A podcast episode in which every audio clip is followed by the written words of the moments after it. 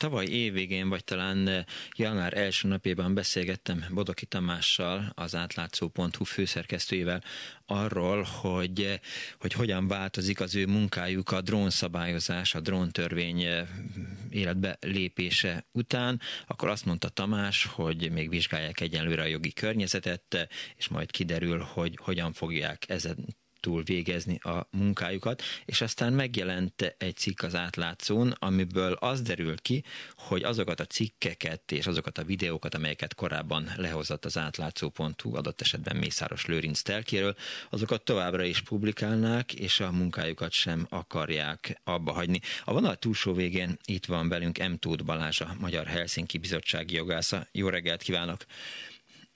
Jó reggelt kívánok! Annyi pontosítás, hogy a Helsinki Bizottság jogásza is vagyok, de az átlátszó jogi igazgatója is, és most abban a minőségemben beszélni. Igen, eh, mondani akartam, hogy, hogy végül is ön eh, írta azt a cikket, ami az átlátszón volt, csak itt a, a, az én silabuszomban ezt nem szerepelték, de persze olvastam ezt a cikket, szóval, hogy eh, miért nem bűncselekmény az, amivel önöket fenyegettik az önök álláspontja szerint? Hát ugye eleve kettő mondjuk pontos szabály van, amiről beszélni kell, vagy lehet. Itt az egyik egy szabásértési tényállás, a másik pedig egy büntető törvénykönyvbe illesztett szabály. A szabásértési tényállás az arról szól, hogy ha valaki drónnal, most leegyszerűsítem, drónnal más lakásáról fel, felvételt készít, akkor az szabásértést követel. Ez egy magánlagsértésnek nevezett tényállásba van illesztve.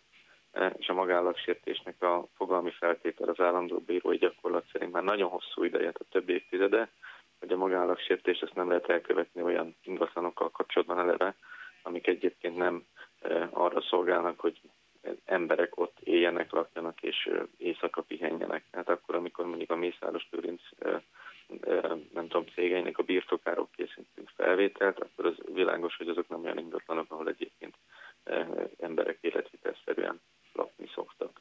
A büntető törvénykönyv pedig ehhez képest másként szabályoz.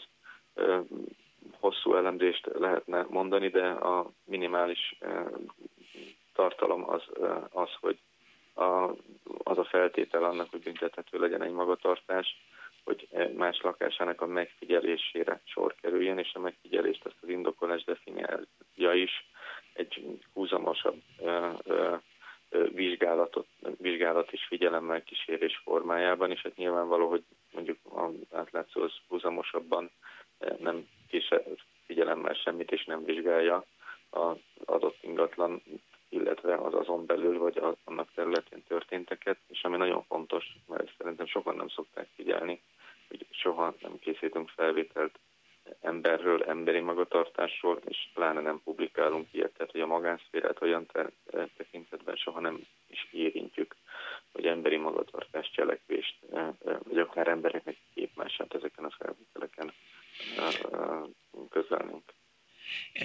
Igen, hiszen ugye a, a jogi környezet is pont arról szólt, hogy az különösen súlyos elbírálás alá esik, amikor publikálják vagy nyilvánosságra hozzák ezeket a feltételeket, de ha jól értem, hogy az ön, illetve az önök álláspontja szerint már nem is áll meg, tehát ennek a súlyosbító fokozata ugyanúgy nem állhat meg, mint ahogy, mint ahogy a másik sem. Egyenlőre, vagy legalábbis hát még ennek példa értékű pere, vagy precedens pere még nem volt.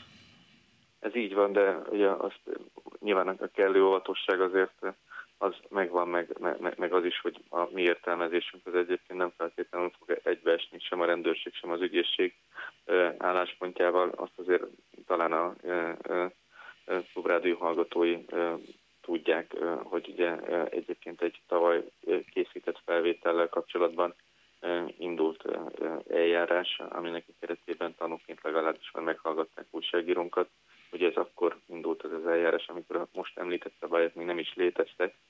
Ezen szabályok hiányában is e, egyébként büntető eljárás már indult meg, így azért azt nem gondolnám, hogy e, nagy kockázat azt mondani, hogyha egy következő e, hasonló tartalom majd megjelenik az oldalunkon, akkor a szabályt mindenképpen alkalmazni próbálják, és a végén még a bíróságnak kell eldönteni, hogy egyébként kinek van igaza.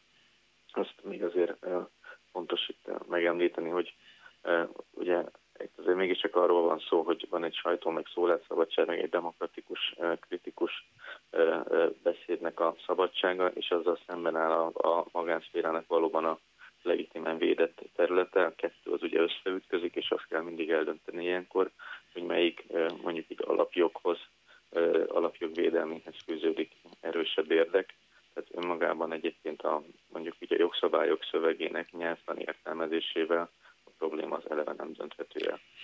Azok a drónpilóták, vagy azok, akik ezzel foglalkoznak, és nem elsősorban Mészáros Lőrinc ingatlanát, vagy a, a Tihanyi eh, hegybontást eh, rögzítik, hanem egyszerűen csak szórakoznak, vagy művészi felvételeket készítenek, a legtöbb kritikát eh, azért fogalmazták meg a törvényel kapcsolatban, mert hogy jó előre be kell jelenteni, hogy az ember mikor akar drónnal repülni. Mondjuk ezek szerint önöknek is be kell, hogy mit tudom én, felcsúton, vagy valahol drónozni szeretnének, akkor már, már el is indul valami, valamiféle folyamat. Ez így van. Ugye a végrehajtási szabály, részletszabályok megalkotására határ, megfelelő határidőben nem került sor legjobb tudomásom szerint, de ez valóban így van, ha jól tudom, legalább 30 nappal Igen. korábban kell bejelenteni, vagy 45-tel, praktikusan szürreális határidőt jelöl meg. Itt ez nyilvánvalóan majd a drónfelvétel készítőjének a döntése feladata, illetve a főszerkesztője, hogy ilyen szabályozási környezetben ezeket hogy oldja meg. Az, az fontos ugye, hogy a határidő elmulasztása, a be nem jelentés az egyébként nem valósít meg önmagában sem bűncselekményt, sem az előbb említett szabálysértést. Tehát, hogy ez, ez mondjuk még büntetőjogileg nem fenyegetett magatartás, hogyha valaki nem, vagy, későn jelenti be, hogy drónfelvétel Magyarul nekünk, akik kedvelői vagyunk ezeknek a felvételeknek, és hát ugye most a világot gyakorlatilag felforgatta a Putyin rezidenciájáról, vagy dácsájáról, vagy kastélyáról szóló felvétel, azt is több millióan nézték meg, tehát azért számíthatunk rá, hogy az átlátszó is ugyanígy folytatni fogja a tevékenységét, mint azt tette korábban. Így van, a terv ez nyilvánvalóan ki kell várnunk, hogy, hogy mi lesz ennek a, a jogszabály értelmezése, akár mondjuk egy, egy épülő stadionról, akár egy cég területén lévő tankokról, akár egy olyan mondjuk magánlakásról, aminek a, a, a, a, ahol egyébként mondjuk egy cég végzi a tevékenységét, ezek jogilag ezeknek a megítélése lehet más és más. Szóval adott esetben még egy konkrét ügyel kapcsolatos állásfoglalás az nem is fogja eldönteni az összes lehetséges eset megítélését, ezeket végig kell járni. Jelenleg az az álláspont, hogy ezt a kockázatot a szerkesztőség, illetve a főszerkesztő úr azt vállalja. M. Tóth Balázs, a Helsinki Bizottság jogásza, és a átlátszó.hu jogi szakértője, jogi igazgatója. Mi volt a pontos titulus? Igen, igen, mindegy jogi igazgatónak szoktak eh, titulálni, de átlátszó.hu jogásza is. Igen. Be fogjuk ezt írni az ön neve mellé. Köszönöm szépen, hogy rendelkezésünkre lehet. Nagyon szépen köszönöm. Viszont, Viszont